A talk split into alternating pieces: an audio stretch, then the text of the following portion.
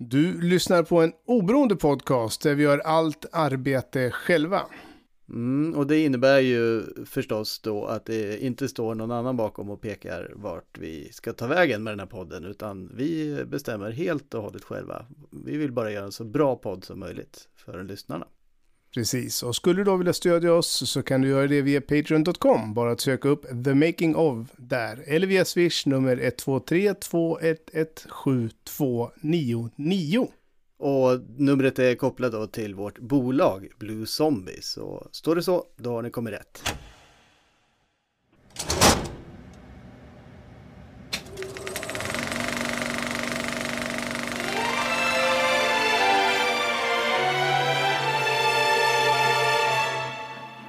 Välkommen till The Making of. En podcast om hur världens bästa filmer kommit till. Jag heter Stefan Bäckström Vogt. Och jag heter Fredrik Hillerbrand. I dagens avsnitt ska vi berätta om en film som fullständigt ritade om kartan för hur man lanserade film i Hollywood och som var startskottet på en helt ny era. Vi ska berätta om Hajen.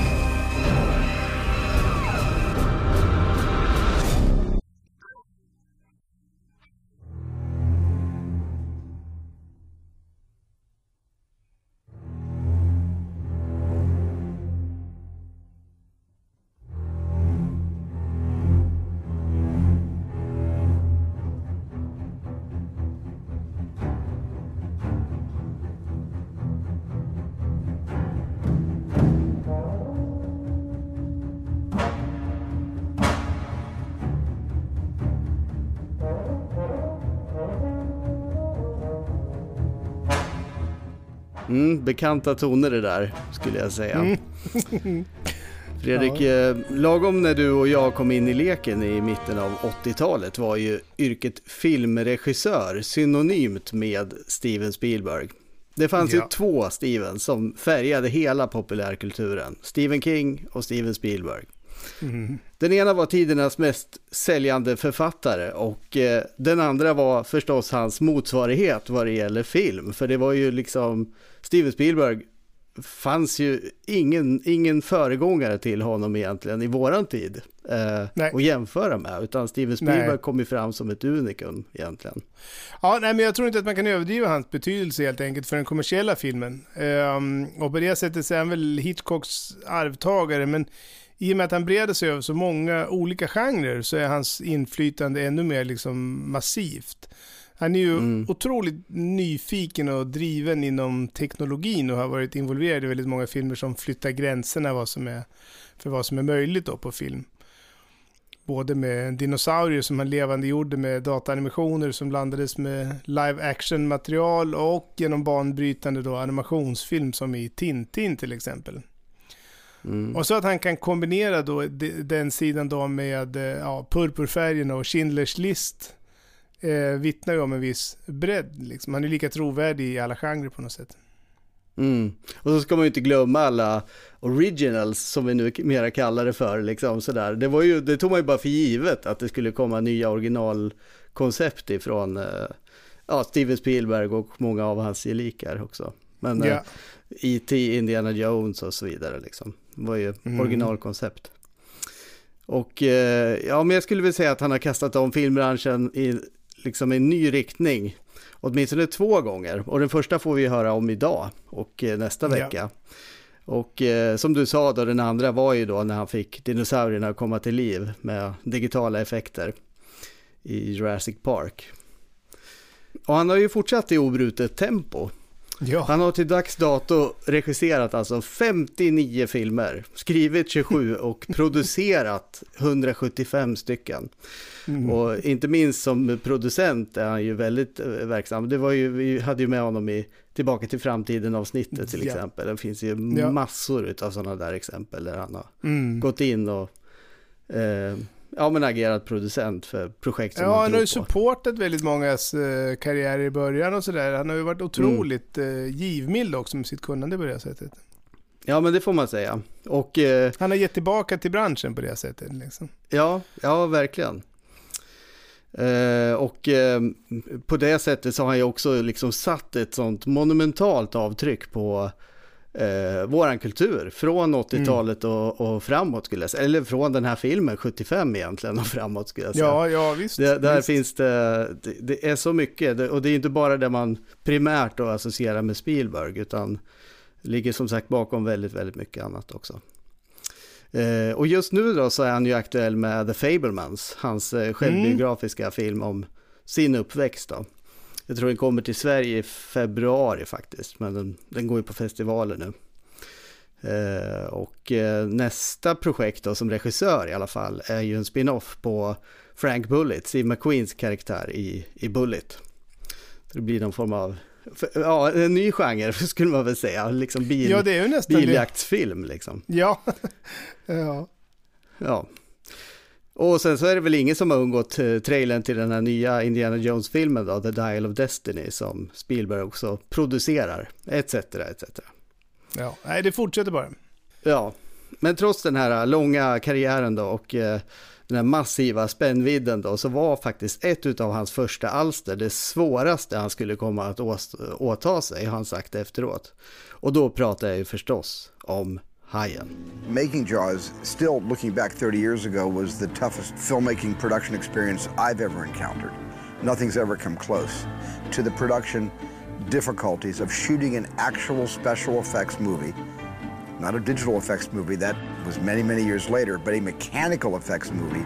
Not in a tank somewhere in Malta or some safe tank somewhere in Florida, but in the actual Atlantic Ocean. We must have been complete idiots to have even expected to have an easy ride in the middle of the ocean making a movie. Ja, vi ska ju tillbaka till 1975 och det är faktiskt ett år som vi borde kunna relatera till utan allt för stora ansträngningar. För om jag säger att det var ett år som plägade, plågades av recession, skyhöga oljepriser och rekordhög inflation så kan ni säkert känna stämningen i världen på egen kropp här 2022. Och som vi har nämnt förut så var det också här att Vietnamkriget fick ett slut när Sydvietnam kapitulerade. Och Storbritannien valde Margaret Thatcher till ledare för det konservativa partiet Tories. Sen finns det två personer som är aktuella 1975 som jag vill nämna eftersom de dyker upp i många filmer och böcker och tv-serier och sådär eh, senare. De har båda två nästan blivit ett begrepp. Och den första det är ju Patty Hearst. Mm. Det är en intressant historia för att hon eh, kidnappades eftersom hennes pappa var sån här eh, tidningsmagnat, otroligt rik. och sen gjorde hon det att hon gick med sina kidnappare och rånade bland annat en bank och fick en fängelsedom för det. Benådades för övrigt av Bill Clinton senare. Eh, och det är ju perfekt material förstås till film och böcker att hon blev en sån här socialistisk revolutionär i, i kidnapparnas våld där. Och, Ja, lite ehm, Stockholms eh, syndrom. Ja, men precis. Det är ju det. Mm. Det är ju precis så. Mm. Och eh, för gangsterälskare så var ju nyheten om fackföreningsledaren Jimmy Hoffas försvinnande också väldigt intressant förstås. Han var, det hängde mycket korruptionsanklagelser kring honom och han var ju associerad med maffian och så vidare. Och än idag är det ju helt oklart vad som hände. Det är ett av de där stora liksom, mysterierna i USAs historia. Liksom. Vad hände egentligen med Jimmy Hoffa? Och VHSen gör sin debut 1975, Microsoft bildas, Saturday Night Live, som vi har varit inne på förut, har premiär och Pink Floyd släpper Wish You Were Here och Queen kommer med A Night at the Opera. Carl Bernadotte, a.k.a. kungen, hamnar på 5708 plats i årets Vasalopp. Mm. Det var en händelse av rang får man säga. Men du Fredrik, Ja. vad handlar egentligen filmen Hajen om? Mm, Ja, det är sommar och sol och snart dags för 4th of July-firande i semesterbyn Amity Island. Eh, när den nytillträdde sheriffen Martin Brody misstänker att det har skett ett hajangrepp på en ung kvinna utanför kusten. Han vill stänga ner eh, stranden under utredningen men eftersom det är nu och här pengarna ska tjänas så motarbetas han av de lokala näringsdrivande och inte minst av stadens borgmästare som inte vill skapa panik. Brody backar och stranden hålls öppen och under den kommande välbesökta helgen på stranden tuggar en vithaj i sig en av stadens söner framför ögonen på de många besökande. Pojkens mamma utlovar en stor belöning till den som slår ihjäl hajen som dödade hennes son och det lockar förstås en stor mängd storskrävlande amatörer till ön. Sheriffen Brody tar hjälp av marinbiologen Matt Hooper och den burduse hajjägaren Quint för att eh, själv försöka förhindra odjuret från att döda flera av stadens invånare och skapa fred i semesterorten.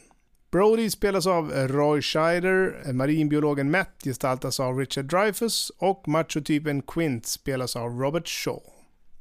Manus till filmen är skrivet av Peter Benchley och Carl Gottlieb och filmen är som sagt regisserad av Steven Spielberg. I know because he'll be he'll be so energetic and he'll be screaming and yelling, "It's a great white! It's a great white!" I knew it all along. And there's only room in there for one quick line, expository line about The mate, the, the mate. Where's mate the is mate? dead, we'll have to Where's the, the body? Why is the boat torn to pieces? Because it's a great white shark. And then all we have to do is uh is, is cut out. Marker. Stand by. Background action. Yeah. Cut. Action! Okay, hang on. The shark is not working.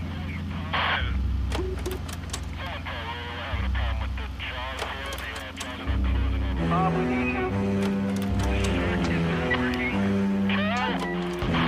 Jag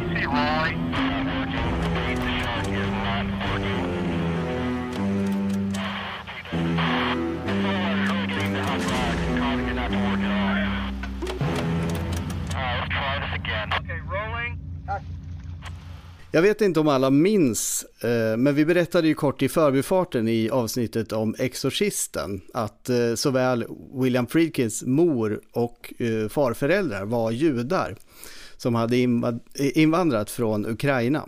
Judehatet där var ju väl cementerat och eh, under pogromer 1903 så mördades tusentals judar och eh, många tvingades att fly landet. Och de flesta flydde då till USA. Och bland de här fanns även Steven Spielbergs farföräldrar. Medan Friedkins bosatte sig i Chicago så hamnade Spielbergs i Cincinnati, Ohio. Där deras son Arnold växte upp och blev elektroingenjör. Och träffade så småningom konsertpianisten Lea. Och så en decemberdag 1946 kom deras första barn, Steven, till världen. Familjen kom att flytta runt en hel del eh, runt om i USA. Där ju avstånden är ganska stora får man säga.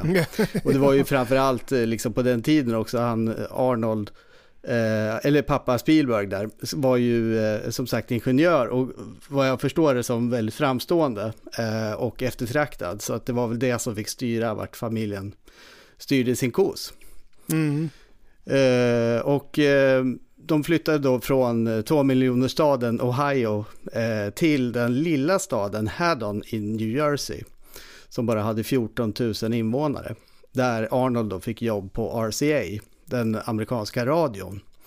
Och eh, sexårige lille Steven då kunde gå i hebreisk skola där. Men några år senare då när Steven var 10 år flyttade familjen eh, igen. Och nu så var det ju även bestående av tre småsyskon till Steven. Och de flyttade tvärs över USA från östkust till västkust och eh, till Phoenix, Arizona, som till invånarantalet liknar Ohio. Men där klimatet då förstås är varmt. Los Angeles, cirka 40-50 mil rakt inåt landet, då hittar man Phoenix, så att säga. Ja. Och i en förort till Phoenix skulle Steven växa upp med betoning på förort, för det var väl det som var hans eh, stora grej, som färgade hans eh, liv. Och hans, eh, som vi senare skulle se i hans eh, filmproduktion också. Eh, men också miljöerna runt omkring eh, Phoenix som återkommer i hans tidiga filmer också. Mm. Ja, just det. Ja, i början, jag läste en intervju med Steven Spielberg i början på 90-talet så blev han ombedd att välja en stillbild från hans filmer som skulle representera hela hans produktion tills dess då. Mm. Och han valde bilden när den lille pojken i närkontakt av tredje graden står i dörröppningen och tittar på ett rymdskepp då som har landat eh, utanför hans trädgård. Det är kontrasten mellan det kända, det trygga, det säkra och det vackra. Och så det skrämmande och hotande där utanför.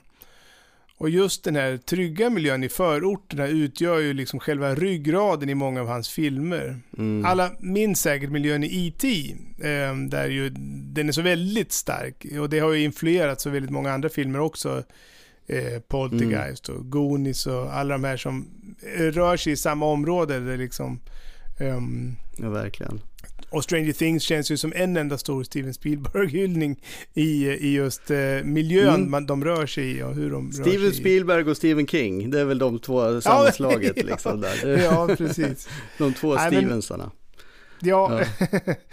och jag läste av eh, ett uttalande från författarna till en biografi om Spielberg som uttrycker det så här att Spielbergs characters are usually suburban types very much like the suburban moviegoers sitting in the shopping mall theaters watching them. Och just det här då att blanda den här familjemelodramen med sci-fi element och horrorelement tror jag är en av nycklarna till att förstå Spielbergs karriär. Förorten Mm. i sig själv är ju närmast besjälad. Det är ju nästan en, en person, en, en fenomen liksom. Ja, verkligen. In this quiet neighborhood, on this tranquil street, a mystery is unfolding.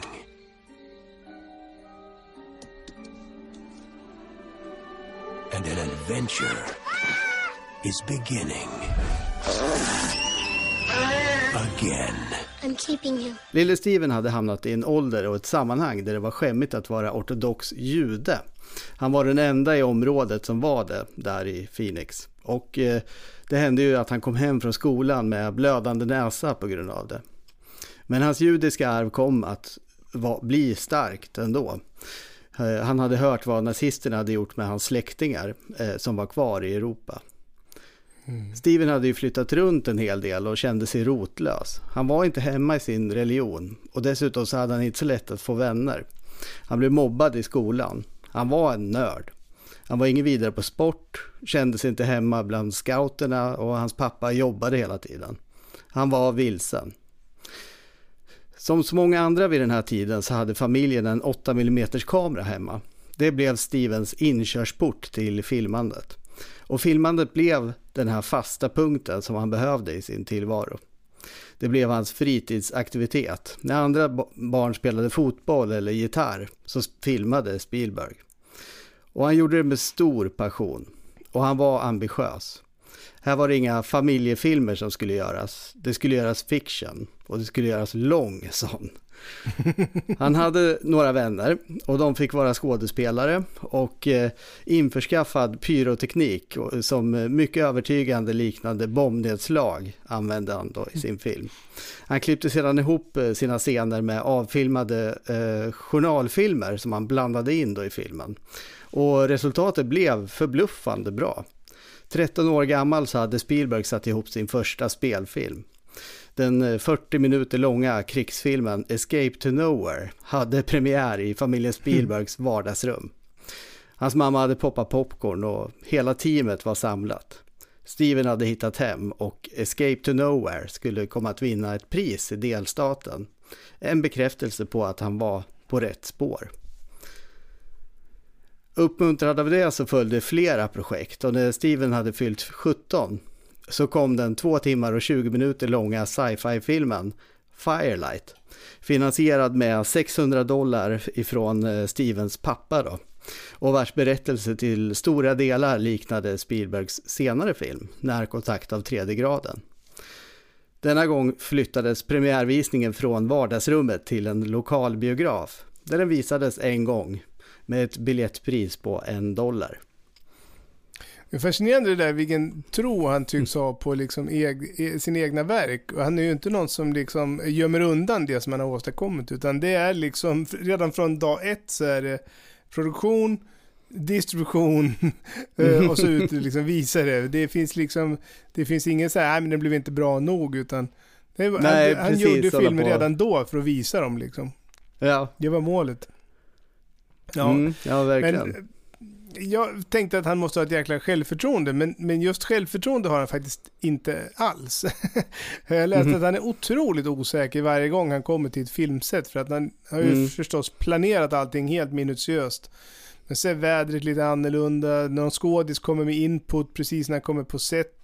Det är en ljudband som är sjuk eller en kran som inte funkar som den ska och så vidare. Så han, han går dit med scenskräck varje dag fortfarande eftersom förutsättningarna är så olika. Så han känner sig aldrig säker på vad det är han ska göra. Eh, och det är ju ganska fascinerande när man haft så lång och Mm. framgångsrik eh, karriär. Mm. Ja, som sagt, redan tidigt så hade han ju bestämt sig för vad han skulle ägna sitt liv åt. Och sommaren 1965 då så hälsade han då, 19 år gammal, på sina kusiner i Canoga Park utanför Los Angeles. Steven ville besöka Universal Studios och deras studiotour då som de gav till turister redan då. Men eh, Steven var till en början besviken för den var kanske inte så utbyggd som den skulle komma att bli tack vare Steven Spielberg. för det här tåget som de åkte med stannade ju inte vid några studios där inspelningar pågick. Det var dags för kisspaus. Vad skulle jag göra om jag var med i en film nu? frågade sig Steven. Han gömde sig på en toalett och så småningom så hörde han tåget åka iväg. I fyra timmar så kunde han vandra omkring fritt bland alla studios och supa in atmosfären. Han hade kommit hem. Han beblandade sig med tekniker och statister och skådespelare. Men ingen la märke till honom i vimlet. Ingen förutom en man som tog Steven åt sidan och undrade vad han gjorde där. Steven förklarade då att han var en filmskapare och ville lära sig allt om hur man gör film. Mannen, Chuck Silvers, var chef för PR-avdelningen. Han hade en stund över och det var något särskilt med den här pojken. Vad var han? En tonåring som påstår att han är filmregissör. Hur vågar han ens? De pratade i någon timme och sen fick Steven ett passerkort för att komma förbi nästa dag. Och då fick han ta med sig några av sina filmer. Sagt och gjort. Steven lånade en kostym och portfölj och tog med sig den film som han hade visat för sina kusiner. Chuck Silvers tittade på filmen och bedömde hans verk. Och det var det. Men inte för Spielberg. Nästa dag så tog han på sig samma kostym och tog med sig samma portfölj igen. Hjärtat bultade när han närmade sig porten, utan passerkort den här gången. Men det gick som han hade hoppats. Han släpptes in av vakterna, och som kände igen den här unge pojken i den märkliga utstyrseln. Och som tydligen hade glömt sitt passerkort. Inte visste de att hans portfölj var tom, förutom en smörgås och chokladkaka. Nästa dag kom Spielberg då i shorts och t-shirt och berättade att han bara skulle hälsa på sin pappa som jobbade där. Dagen därpå så kom han med paket som skulle delas ut. Och ibland så funkar det och ibland inte. Med tiden så kände vakterna i alla fall igen honom och släppte in honom när han gav dem en oskyldig vink. Väl inne där så kunde han röra sig fritt bland studierna. Och han var där för att se och lära. Han såg Alfred Hitchcock regissera en stor scen i kalla kriget-thrillern Torn Curtain. I centrum bland hundratals statister så fanns Julie Andrews. Han hann se Hitchcock regissera i tio minuter tills någon assistent kom och sa till honom att han inte fick vara där. Minnet kom att bli ett som han aldrig skulle glömma och assistenten var en man vid namn Joe Alves och skulle senare bli production designer till Hajen. Och med det så skulle han ju vara den som skulle få designa hajarna. Men det var senare. Ja, som sagt då, så småningom så kände allt fler igen den här pojken i studion och med tiden så fick han sporadiska uppdrag som springpojke. Steven kastades abrupt tillbaka till verkligheten efter den här förtrollade sommaren. Familjen flyttade till den lilla staden Saratoga utanför San Francisco. Och kort därefter så berättade hans föräldrar att de skulle skiljas. Och det här återberättas ju senare ska jag säga då i E.T. Det är ju hans skilsmässoberättelse. Mm. Steven tog det ju väldigt hårt och ställdes inför ett mycket svårt beslut. Antingen att stanna kvar med sin mamma och sina systrar i Saratoga eller att följa med sin far till Los Angeles. Det var tufft, men eh, fast övertygad om att slå igenom som regissör i Hollywood så följde Steven med sin far. Han sökte till University of Southern California och filmskolan som fanns där. Men hans betyg var för dåliga för att han skulle komma in. Och istället så skrev han in sig på det mindre profilerade California State University. Vid sidan av studierna så ägnade han all sin fritid åt att göra en film som skulle bli hans biljett in till Hollywood.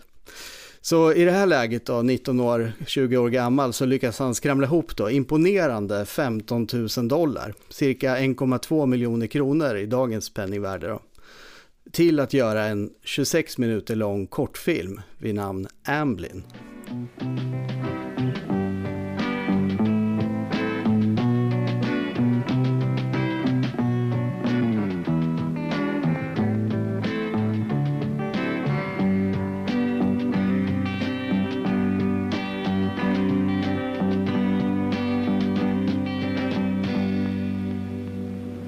Här Evelyn är en liten kärlekshistoria utan dialog där en ung man och en kvinna träffas på landsvägen där de båda driver omkring som fria själar.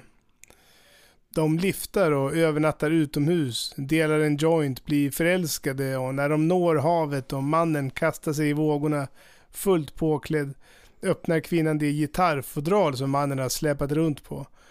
Och där ligger både munsköljning, toalettpapper, deodorant, en slips och så vidare. Så han var nog inte den fria själ han utgav sig för att vara. Kvinnan lämnar stranden och mannen blir ensam kvar. Mm. Man kan ju se den på YouTube för övrigt. Den ligger i hela filmen. Ja, Ja, Mm, absolut. Spielberg hade ju nästlat sig in hos Universal och skapat sig en massa kontakter där. Och inte minst hans ålder i kombination med hans beslutsamhet växt, väckte ju uppmärksamhet hos folk runt omkring. Folk började känna igen honom och hälsa på honom. Och en av dem som hade fått upp ögonen för den här unge mannen var Sidney Sheinberg, som senare på 80-talet då skulle leda hela studion. Och vi har ju gjort oss eh, roliga över Sidney Sheinberg i tidigare avsnitt. Där han, det var ju han som ville byta namn då på Back to the Future till Spaceman from Pluto. ja. Men eh, Sidney Sheinberg var den person som där och då eh, hade Spielbergs framtid i sina händer och, i, och än idag så säger Spielberg att eh, liksom, alltså Sheinbergs inflytande på hans karriär har ju varit obeskrivligt. Liksom. Det, det Mm. var han som launchade Spielberg. ja. Eh, så att han tog eh, Spielberg under sina vingar helt Mm. enkelt. Eh, och Sheinberg såg Amblin. Och eh, han såg väl egentligen samma sak som, som ja, vi har sett när vi har sett den här filmen. Den är ju väldigt, eh, alltså det är en otroligt bra kortfilm. Den är ju snyggt berättad på alla sätt och vis. Eh, ingen, som, ingen dialog precis som du säger, men... Eh, ja men, det, men den är ju lekfull. i Väldigt stilsäker är den ju. Ja. Ja. Stilsäker och lekfull. Alltså just det där att han använder Mm. mediet. Han förstår vad filmmediet kan liksom. Så. Mm. Och det här var ju lite som att likna vid en fotbollscoach som upptäcker att man, man har Lionel Messi som spelar i akademin. Eller, eh, kanske. En, eh, ja, så Scheinberg liksom gjorde det han, som vilken coach som helst hade gjort. Liksom. Han ville ju liksom signa Spielberg. Så han erbjöd Spielberg det längsta kontrakt han kunde tänka sig. Ett eh, sjuårskontrakt med en lön då på 275 dollar i veckan. Och eh, Spielberg var kluven här.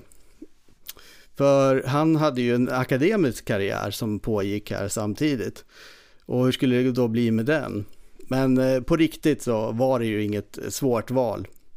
För det fanns ingen tvekan egentligen. Vägen till hans dröm stod ju öppen här för honom. Scheinberg var ju då högsta hönset för tv-grenen på Universal, så Spielberg fick regissera tv. Spielbergs ålder visade sig vara inte helt okontroversiell. Betty Davis, en av Hollywoods stora ikoner, vägrade att låta sig regisseras av en 22-åring. Och det blev en fråga om prestige, så att det slutade faktiskt med att Davis fick bytas ut mot Joan Crawford. Och även hon är ju en stor, eller var en stor ikon. Ja, en diva av rang också. Mm, verkligen. Och hon hade ju varit med ända sedan slutet på 20-talet. Och bildade för övrigt då Fredrik Power Couple med Douglas Fairbanks. Som du Hon pratade också. om Power Couples. Ja, exakt. Det var det andra Douglas- Fairbanks power couplet där. ja, något sånt. Ja, det är som Brad Pitt då. Han hade ju både... Ja, Ja, exakt. Jennifer Aniston och, och ja, Angelina, ja, precis. ja. Ja, men eh, 1947 då så belönades hon med en Oscar för bästa kvinnliga huvudroll i Mildred Pierce. Och då var ju Spielberg ett år gammal. ja otroligt. Så Crawford undrar ju vem som var Spielbergs pappa. För det måste ju vara någon med makt i Hollywood. En man vars inflytande hade plogat vägen här för hans son. Va? Är din pappa ingenjör? Vilka filmer har du regisserat då egentligen? En 20 minuters kortfilm.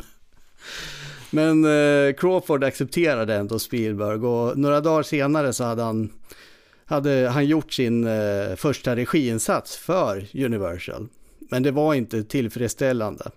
Han hade ingen kontroll över slutresultatet och det kom att gå ett helt år innan han regisserade igen.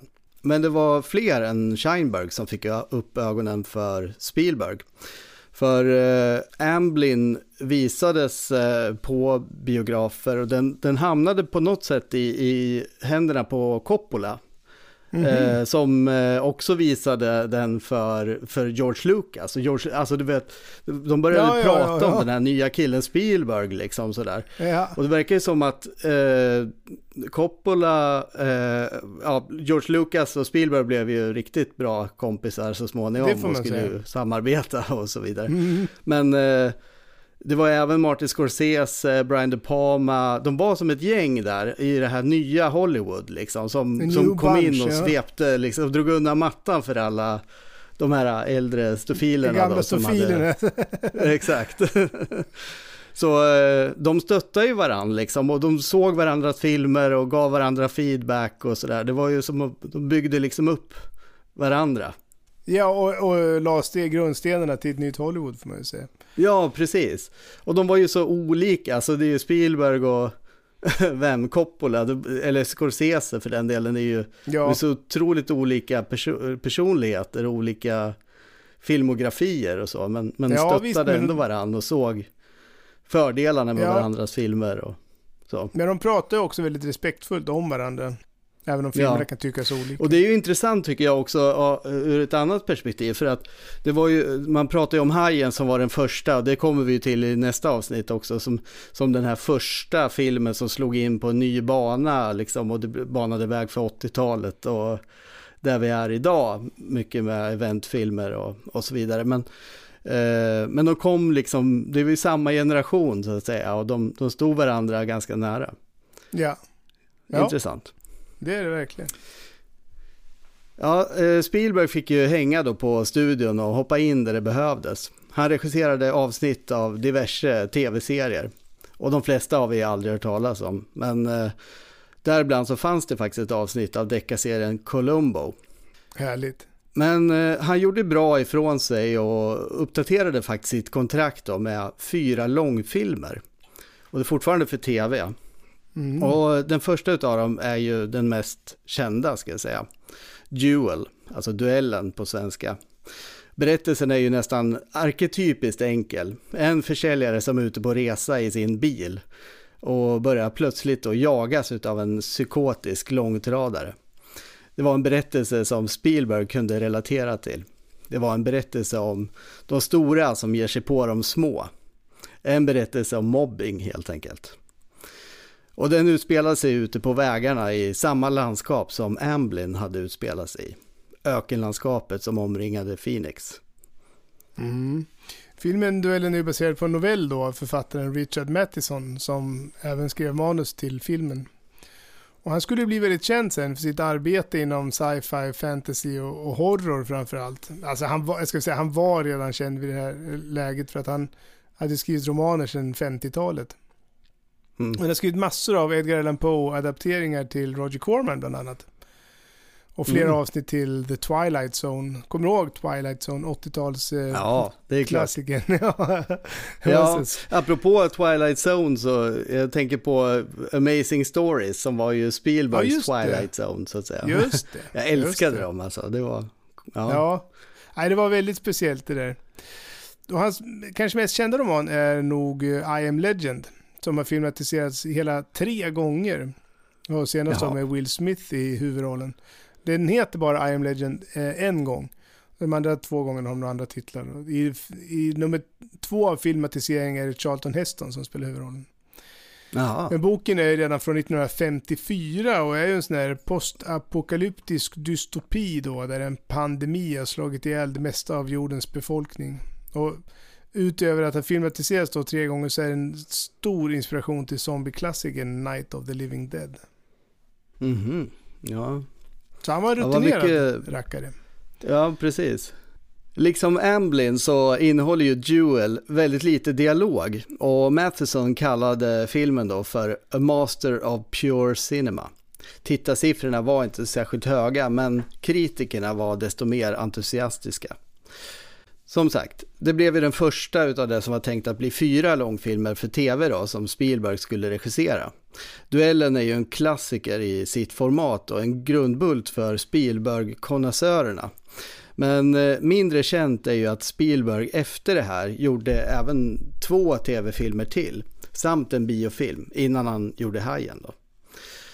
Och ingen av de här blev några succéer. Det var bland annat en film med eh, eh, Goldie Hawn. Men eh, det går ändå att se spår av Spielbergs eh, förtätade filmberättande. Det var ju väldigt, man ser väldigt tidigt hur hans karaktäristiska de här ja, kompositionerna Mm. eh, finns där. Liksom. Men som Ja. sagt, inga, inga vidare filmer kanske. Så det blev en liten blandad kompott där för Spielberg i början på hans karriär. Och i det läget så kan det ju vara bra att ha åldern på sin sida. När Spielberg var 28 år gammal så hade han redan gjort fyra långfilmer. Och han befann sig fortfarande under Scheinbergs beskydd. Ta det Tarantino.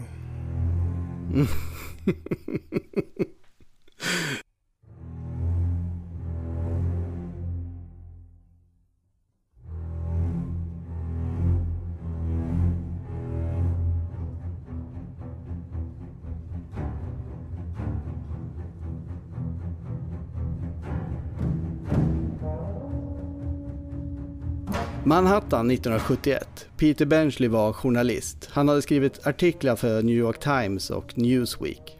Han hade skrivit tal åt president Lyndon B Johnson. Men hans dröm var att skriva dokumentära romaner, men ingen verkade vilja ha dem. I ett möte med en tilltänkt förläggare övergav han sina ideal och drog till med en idé om en fiktiv berättelse om hur en hajattack skapar en moralkris i en liten kuststad.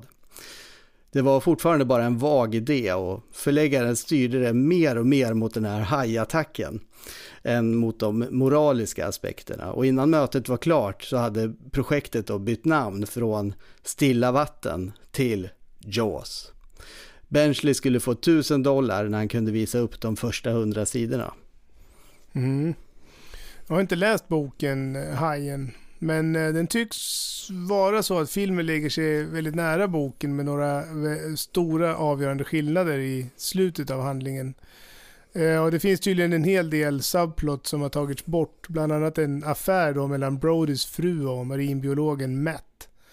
Och det som eh, fascinerade Spielberg allra mest med boken var helt klart den sista tredjedelen där de där tre männen då ska försöka fånga hajen ute på havet. Och de 120 sidorna var det han ville ha från boken. Och de första två akterna ville han skriva, ut, skriva om då som originalt material. Ja.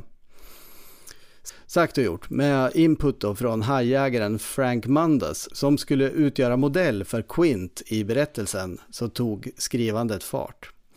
Ett drygt år senare så var han klar. Han skickade in manuskriptet till förlaget. Doubleday som de hette. Benchley var utmattad och pank.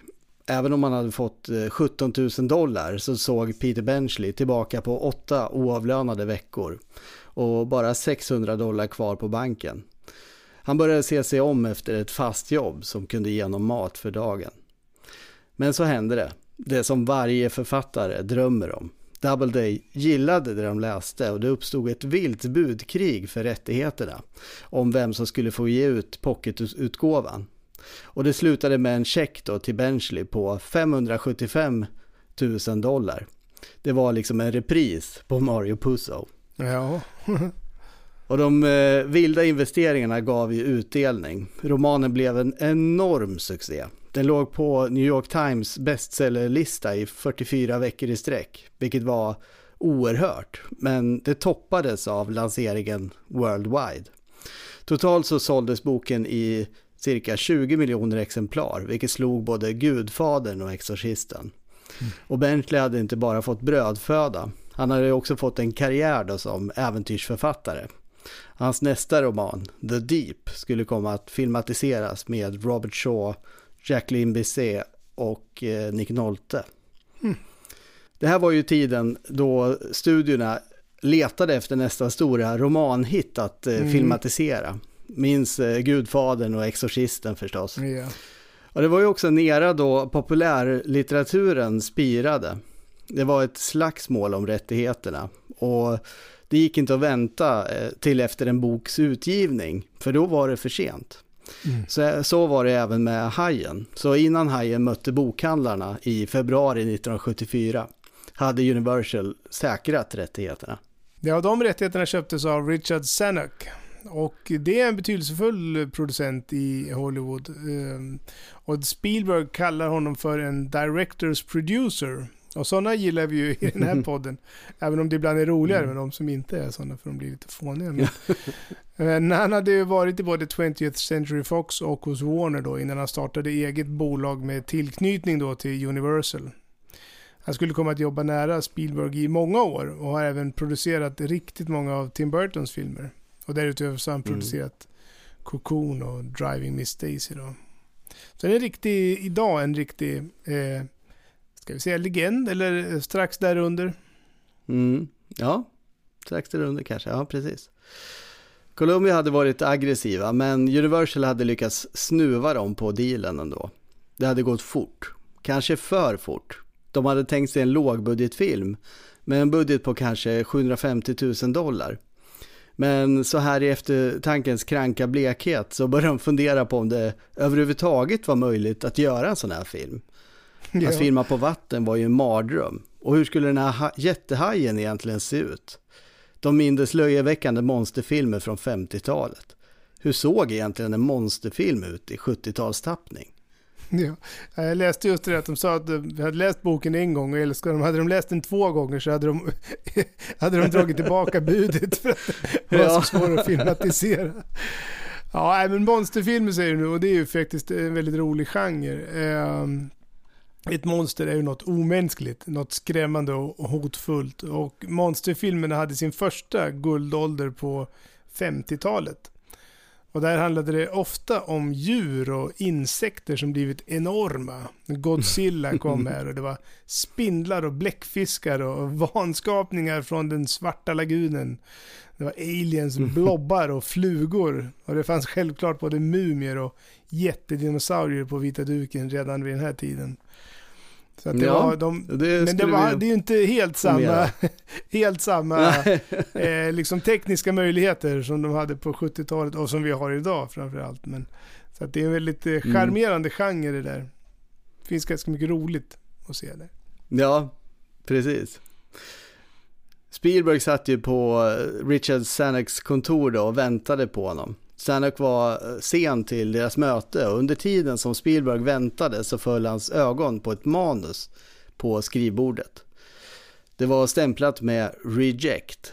Det hade alltså inte godkänts av Universals, Universals storyavdelning. Han började bläddra i det och plötsligt så blev hans möte med Zanuck som bortglömt.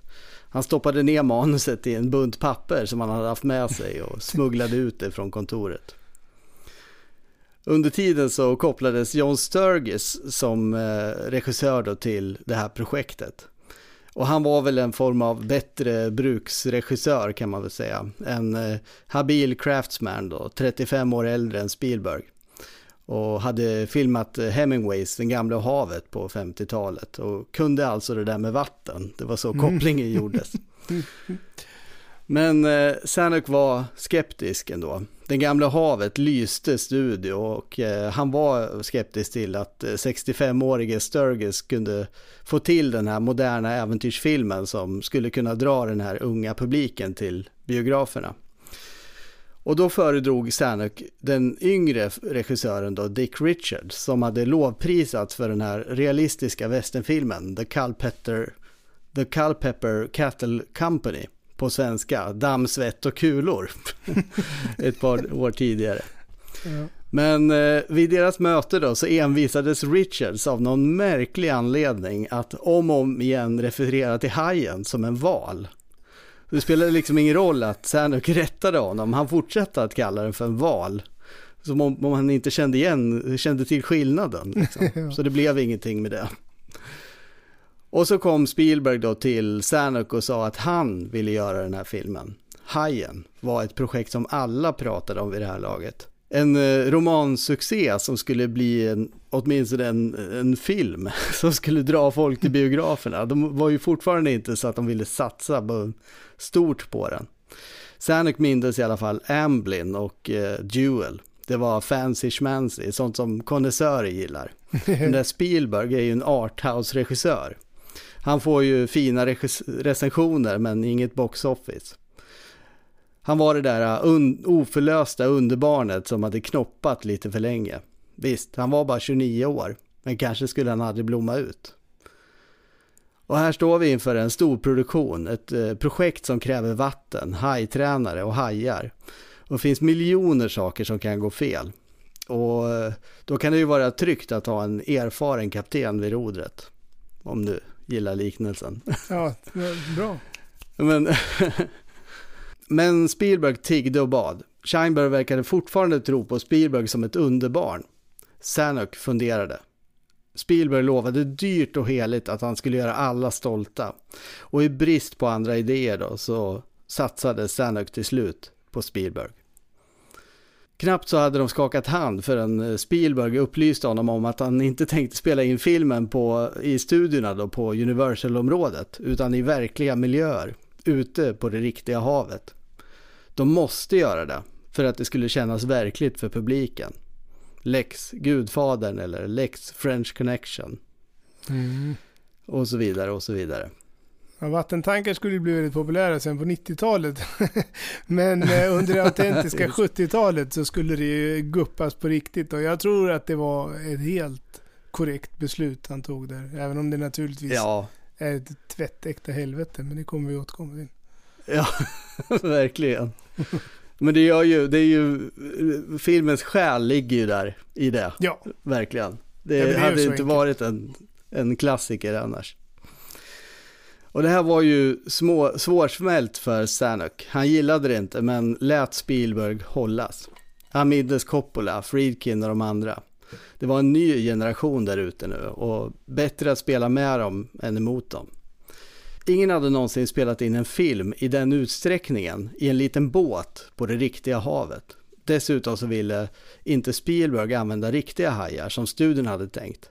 Spielberg hade frågat runt och kommit till slutsatsen att hajar inte gick att träna. Istället så skulle de bygga inte bara en utan flera mekaniska modeller av vithajen. Vad hade han egentligen gett sig in på? Spielberg kunde framstå som självsäker och full av självförtroende. Men han bar en på en hemlighet som han var noga med att dölja. Han hade nu regisserat fyra långfilmer och en hel drös med kortare projekt. Och han hade regisserat några av Hollywoods tyngsta namn. Men det blev inte bättre. På vägen till varje inspelningsdag fick han stanna bilen vid väggrenen för att kräkas.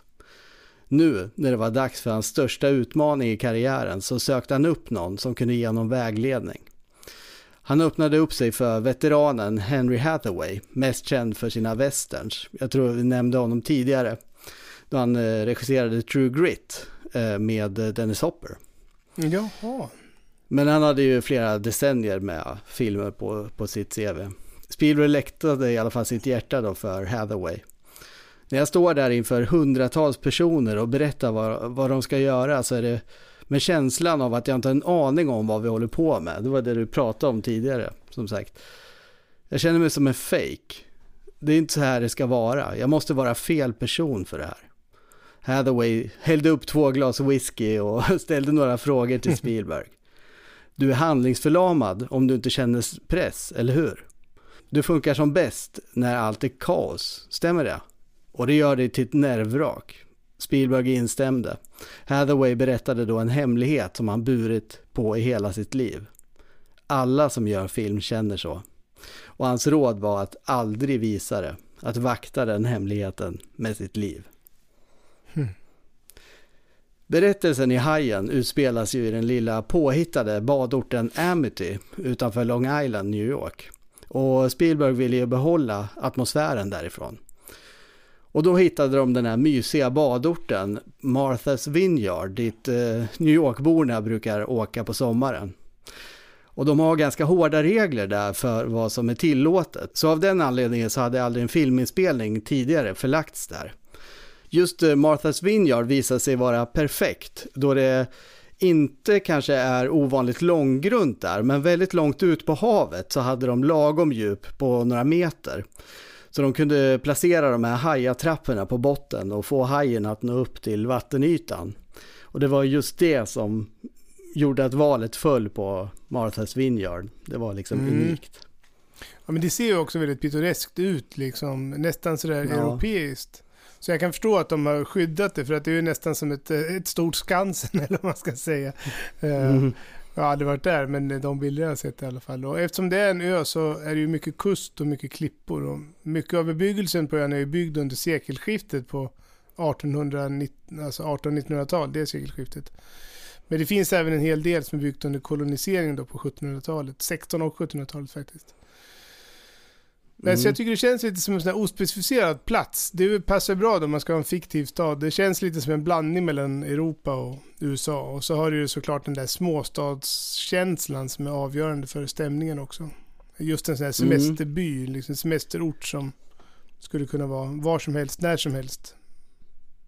Ja, jag tänkte på det nu man ser filmen och har lite bakgrunden här, liksom just eh, att det, den handlar ju om den här polisen, den här New York-polisen som eh, tar steget och flyttar till, liksom, till den här lilla Ja. badorten, liksom, det här lilla samhället. Och han, han har ju massa dubier, inte minst tror jag i boken faktiskt, just här, eh, väldigt mycket tankar om att eh, flytta tillbaka till New York och vad har vi gjort och liksom sådär. Och Han har ju Mm. problem med äktenskap och så vidare. Ja, just det. Vädret där är ju också, precis som du sa, det, jag tänker kanske också lite Frankrike eller liksom via Atlantkusten eller något sånt där liksom skulle det kunna vara, eller kanske Medelhavet, ja, visst. inte.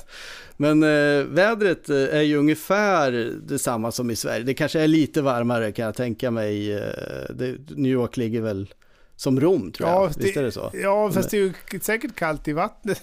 Hyfsat kallt i Ja, vattnet i alla fall. För det måste ju vara. Atlanten och badar i. Så. Ja, exakt. Men jag tänkte, hade Hajen spelat in i Sverige så hade man väl säkert använt sig av Gotland, tänker jag då. Ja, det är Ja, säkert riktigt. Torsken skulle man kunna göra där. Ja. Torsken. Ja. Ja men det innebar ju förstås, att spela in där eh, på Martha's Vineyard in, innebar ju förstås att de var väldigt väderberoende. Inspelningen skulle ju då vara, eh, börja under sommaren 1974 eh, och eftersom de då hade sånt eh, beroende till vädret så var, var det inte mycket de kunde rucka på liksom. Det gick inte att så här, spela in två månader senare för då var det ju liksom en annan säsong. Så inspelningen skulle börja i maj och nu var det april. Hajarna var under konstruktion, men mycket av den centrala rollbesättningen kvarstod. Och manuset var en katastrof. Jag tror det, det, det, inspelningen hade ju liksom börjat när, jag tror, vad heter han? eh, ja, Dreyfus. Ja, Richard Dreyfuss, precis. Jag tror han berättade om att eh, när inspelningen hade börjat, då kom han in liksom på, fick, fick sin roll. Ja, ja, ja, visst. Eh, så det var mycket som var, liksom asynkront. Eh, Charlton Heston hade ju visat intresse då för rollen som polischef Brody. Och eh, honom var det ju inte så lätt att säga nej till. För han var ju en sorts eh, Liam Neeson, en Oscarsbelönad karaktärsskådespelare som hade gått till mer lättsmält underhållning. Han hade ju slagits mot förtryckande apor i apornas planet. Och han hade ju räddat en Boeing i Airport 1975. Och han hade räddat LA också under en eh, jordbävning i Earthquake. Nu var det dags för honom att ta sig an ett tredje element genom att rädda Amity från en vit haj. Och det var inte vad Spielberg hade tänkt sig. Heston hade erövrat jorden, luften och en hel planet full av apor. Spielberg ville inte att han skulle erövra vattnet också. Han ville ha en annan typ av hjälte. Någon som var mer nyanserad. Han ville att de skulle ta en titt på Roy Scheider. Mm, Ja, och det är ju lite lustigt för han var ganska nischad som skådis för den här tiden. Eh, Alla hans första större roller var i snutfilmer eller spionfilmer. Han var helt klart Mm. en del av det nya Hollywood eftersom han hade spelat med i såväl Friedkins French Connection och eh, Alan Paculas Clute. Som var en väldigt, väldigt populär film. Sen Mm. spelade han i ett par andra thrillers också innan han fick sin, sina första huvudroller. Först kom det en lös eh, uppföljare då till French Connection där hans rollkaraktär eh, lever vidare liksom.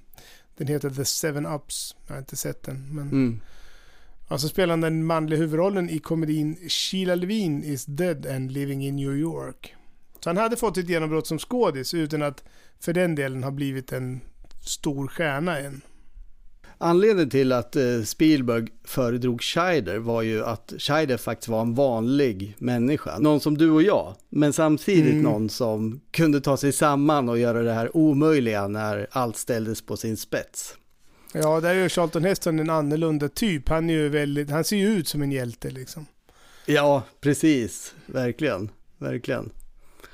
Eh, och det var ju, jag, jag tror att det var inte så lätt för att Heston kom ju, han var ju studions namn liksom. Det var ju så här, Mm. alltså, om inte Ja, är klart. Spielberg hade haft sina preferenser så, så hade det blivit en Charlton Heston-film utav det. Ja, en, en bankable Men, eh, star på affischen liksom. Ja. ja.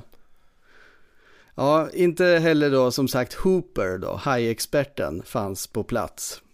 John Voight hade erbjudits rollen men tackat nej. Jeff Bridges fanns också på Saneks lista. Men var inte mitt i prick. Där har vi Jeff Bridges igen. Ja, det det. Bra där. Där har vi honom. Eh, vi har inte ens kvoterat in honom. Han bara dyker upp i, Ja. liksom, som gubben i lådan. Ja. Spielberg var ju kompis då med George Lucas som året innan hade nått framgångar med American Graffiti. Alltså på svenska Sista natten med gänget. Och Spielberg hade ju sett den tillsammans med sin vän och eh, då fått upp ögonen för en ung Richard Dreyfuss. Mm. Och även om Richard Dreyfuss då var betydligt yngre än Scheider så var de ungefär på samma plats i karriären. Dreyfuss stora genombrott var helt klart Sista natten med gänget. Eh, som du sa, och det är ju en speciell film eftersom den introducerade fler kommande stjärnor då som Ron Howard och Harrison Ford bland annat. Men Dreyfuss hade ju Ja, haft... och, mång- eh, och, och Jeff Bridges. Och Jeff Bridges, ja. ja, ständigt denna Bridges liksom. ja, men eh, han hade haft eh, många roller eh, och hade precis då som Scheider precis haft sin första huvudroll. Men det var inte i någon stor amerikansk film, men i en kanadensisk film.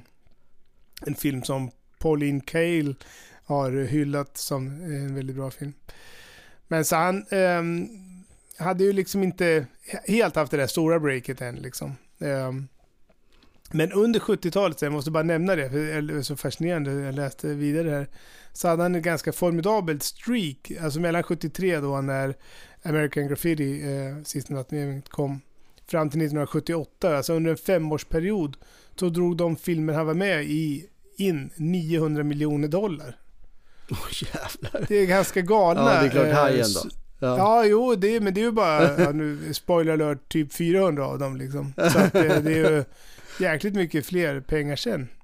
Och ska du ha en Ja. liten fun fact innan vi går vidare i det som egentligen är dagens historia? Jättegärna, såklart. Mm. Han, är, han var den, när han vann en Oscar senare så var han den yngste eh, att vinna en Oscar någonsin för bästa huvudroll. Och han är fortfarande den kortaste mannen att vinna en Oscar. han är bara 1,62. Ja, just. Ja. Han är 1,62. Jag skulle säga det, Michael J. Fox har aldrig vunnit en Oscar, men han är ju 1,63. Så Ja, Det hade ändå nej precis. sig. Dustin Hoffman har väl vunnit en Oscar, men han är inte så lång han heller. Men han är Nej, tydligen mer än 1,62 i alla fall. ja, ska vi gå tillbaka? Ja, var det dina fun facts? Jag, jag trodde du skulle liksom eh, rabbla upp alla blockbusters här som, som Nej, eh, nej, nej. nej. han- han Fun fact med det är som- att man, att man vunnit en Oscar. Man hade den kortaste Oscarsvinnaren någonsin. Det är en fun fact. Det andra är Ja, bara det är facts. Ja, just det. Ja, det har du helt rätt i ja, eh, Richard Dreyfuss då var ju nördigare än Voight och Bridges, men det var ju också poängen. För Spielberg hade ju en särskild triangel här i åtanke. Det skulle vara en hajexpert, en hajjägare och så polischefen någonstans där mittemellan då.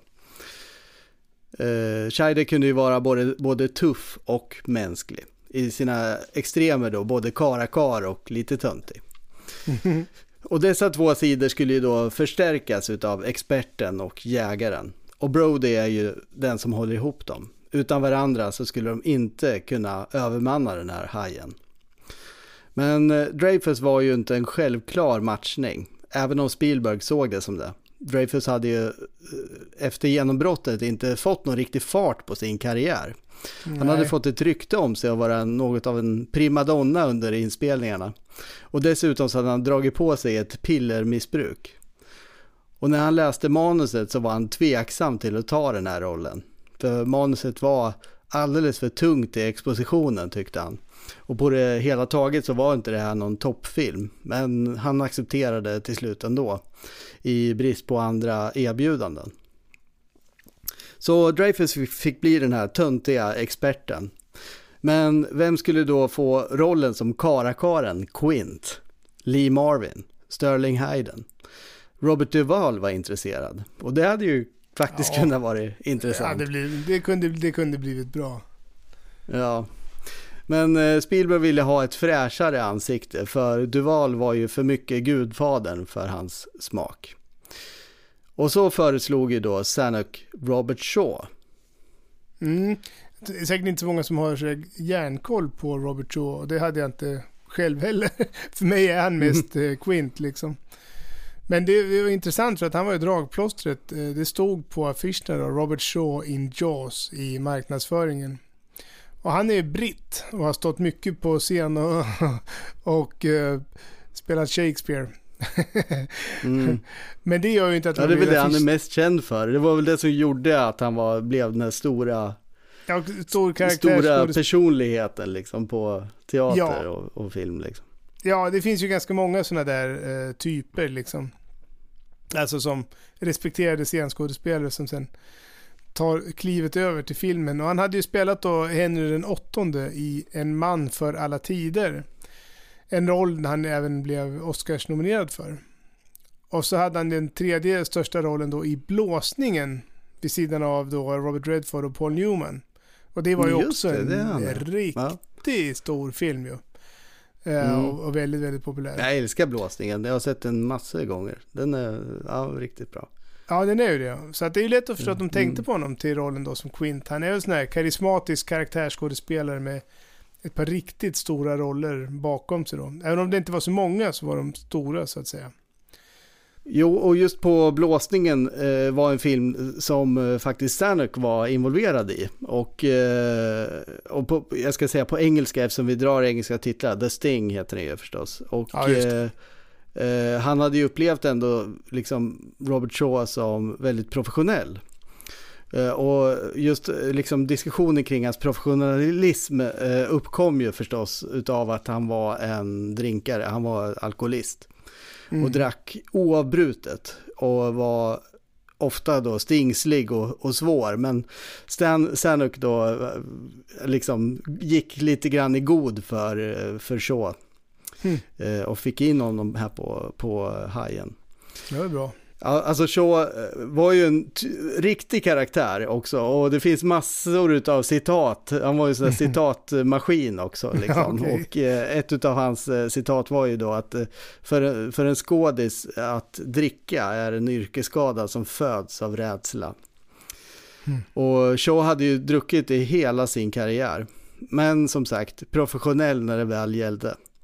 Och en fantastisk skådis. Ja, visst. Spielberg lät sig övertalas, inte minst då för att eh, få någonting på plats också. Så här veckan innan de skulle åka upp till Martha's Vineyard och börja spela in. Så det var en jäklar, tidsaspekt där förstås. alltså. Ja.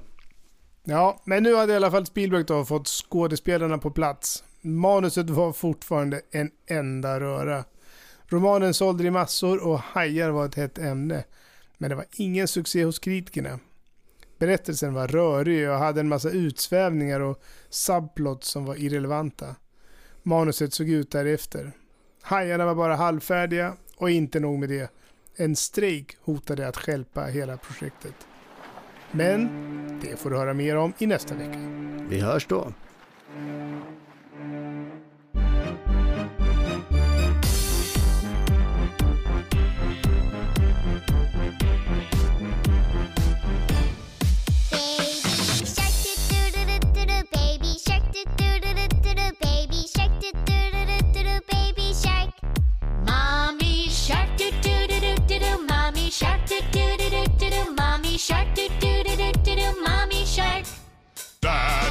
shark, do do do do do daddy shark, do do do do do daddy shark, do do do do do daddy shark.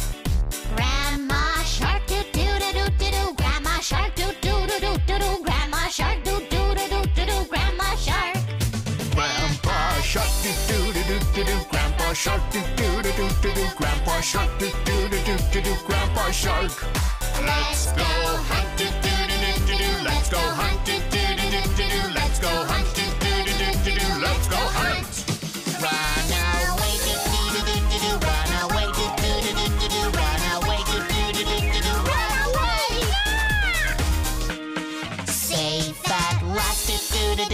Safe at last, do do do do do. Safe at last, do do do do do. Safe.